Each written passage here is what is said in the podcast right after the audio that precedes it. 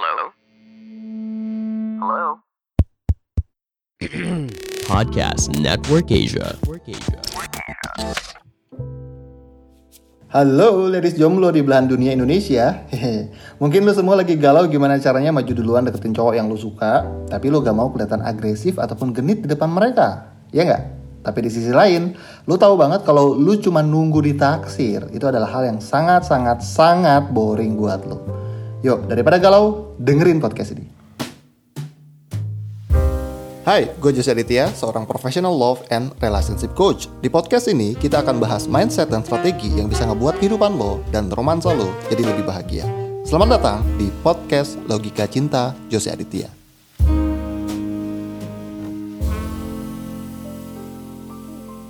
Wih, asik. Gercep banget nih kayaknya ngeklik podcast ini, ya nggak? Wajar sih, soalnya kayaknya ini adalah pertanyaan utama para wanita jomblo di luar sana. Di mana mungkin lu tuh sekarang lagi gregetan, pengen banget tuh cowok yang lagi lu deketin ngerti soal kode-kodean yang udah lu kasih. Kayak lu tuh udah ngasih sinyal banyak, tapi tuh kayaknya dia budek banget gak bisa dengerin lu. Tenang, tenang. I feel you, karena podcast ini memang kita bikin khusus untuk lo. Cuman sebelum kita mulai, biar kita bisa akrab nih, gimana kalau kita bikin sebutan untuk kalian semua para pendengar setia podcast Logika Cinta Jose Aditya. Biar lebih akrab itu, setuju ya? Gimana kalau gue manggil lu semua dengan sebutan wanita logis? Ya, asik gak sih wanita logis? Keren ya? Setuju ya?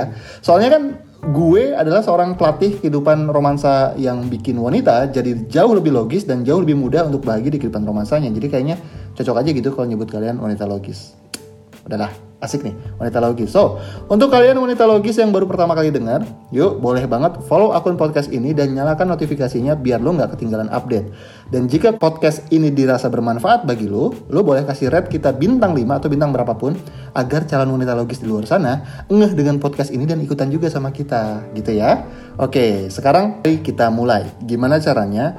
Lo bisa mulai duluan deketin cowok, tapi di sisi lain lo gak ngerasa lo jadi wanita genit dan agresif. Apakah ada caranya? Tentu ada, makanya podcast ini dibikin. Dan satu-satunya cara untuk lo bisa deketin dia tanpa kelihatan agresif adalah dengan menjadi wanita proaktif.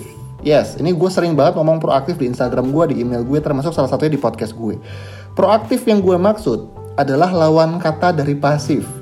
Karena kalau wanita terus-terusan pasif, mau sampai kapan nunggu keajaiban, nunggu ditaksir, dan gue yakin nih, wanita logis kayak lu pasti tahu bahwa menunggu itu, apalagi nunggu ditaksir, adalah hal yang paling melelahkan dunia gitu loh. Dan kenapa ini melelahkan? Ya karena lu nggak punya kendali atas pilihan mereka kan, lu nggak punya kendali atas pilihan mereka, perasaan mereka, dan ketika lu nunggu, akhirnya lu jadi nggak punya pegangan gitu loh, jadinya gregetan dan lama-lama kalau diterusin bisa kena mental kita. Dan menurut gue ya menjadi pasif itu ruginya jauh lebih banyak ketimbang lu jadi proaktif. Jadi proaktif resikonya apa sih paling? Ditolak ya kan? Atau nggak bisa dekat? Kalau jadi pasif resikonya kehilangan waktu bikin lu banyak kesempatan yang baik jadi lewat. Dan orang yang lu tunggu juga belum tentu jadi sama lu ya kan? Dan orang yang pasif itu biasanya reaktif dia tuh lebih sering dikendalikan oleh kehidupannya ketimbang dia mengendalikan dirinya dan hidupnya. Dan mereka yang nggak punya kendali atas hidupnya sendiri biasanya ya korban. Jadi kalau teman-teman di sini ada yang ngerasa jadi korban perasaan, jadi korban kehidupan, ataupun bahkan jadi korban cinta, hmm, jangan-jangan selama ini sikap lo masih reaktif atau pasif. Jelek gak tuh? Yuk. Udahlah, enaknya memang lebih enak jadi orang proaktif. Kalau misalkan lu nanya, emang proaktif itu apa sih coach? Kalau kita meminjam definisinya Stephen Covey dari bukunya Seven Habits of Highly Effective People, Stephen Covey mengatakan bahwa orang proaktif adalah orang yang bertanggung jawab atas yang perilakunya sendiri, atas apa yang diperbuatnya sendiri. Karena setiap tindakan yang dilakukannya itu selalu didasari oleh nilai-nilai yang diyakini, oleh belief-belief yang diyakini, dan sudah melalui pertimbangan yang matang atau mendalam gitu. Jadi proaktif itu bukan cuma asal action. Justru yang kita sebut dengan agresif adalah yang asal, ngasal gitu, membabi buta cuman hai ganteng apa kabar, yang kayak gitu mah pasti kelihatannya agresif. Tapi kalau lu maju, melangkah, tapi didasari dengan nilai-nilai yang lu yakini dan sudah dipertimbangkan secara matang, lu tahu semua konsekuensinya dan siap bertanggung jawab atas itu, itulah proaktif.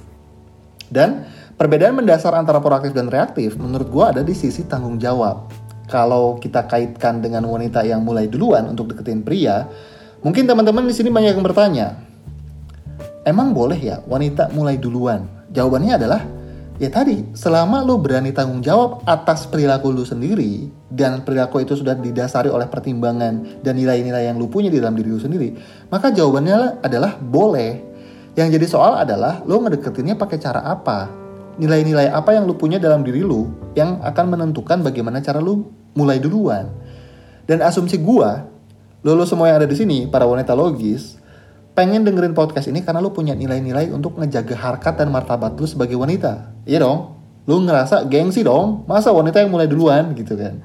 Nah itu tuh kata kuncinya untuk lu terhindar dari perilaku yang lu sendiri gak mau, lu perlu perjelas dulu apa sih perilaku yang masuk dalam kategori agresif dan genit.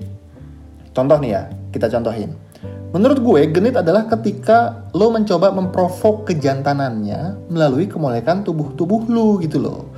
Jadi lu ngedeketin dia sambil lenggak-lenggok, terus sambil buka belahan dada lu semakin lebar, semakin besar. Kok kayak gitu ya pasti genit dong.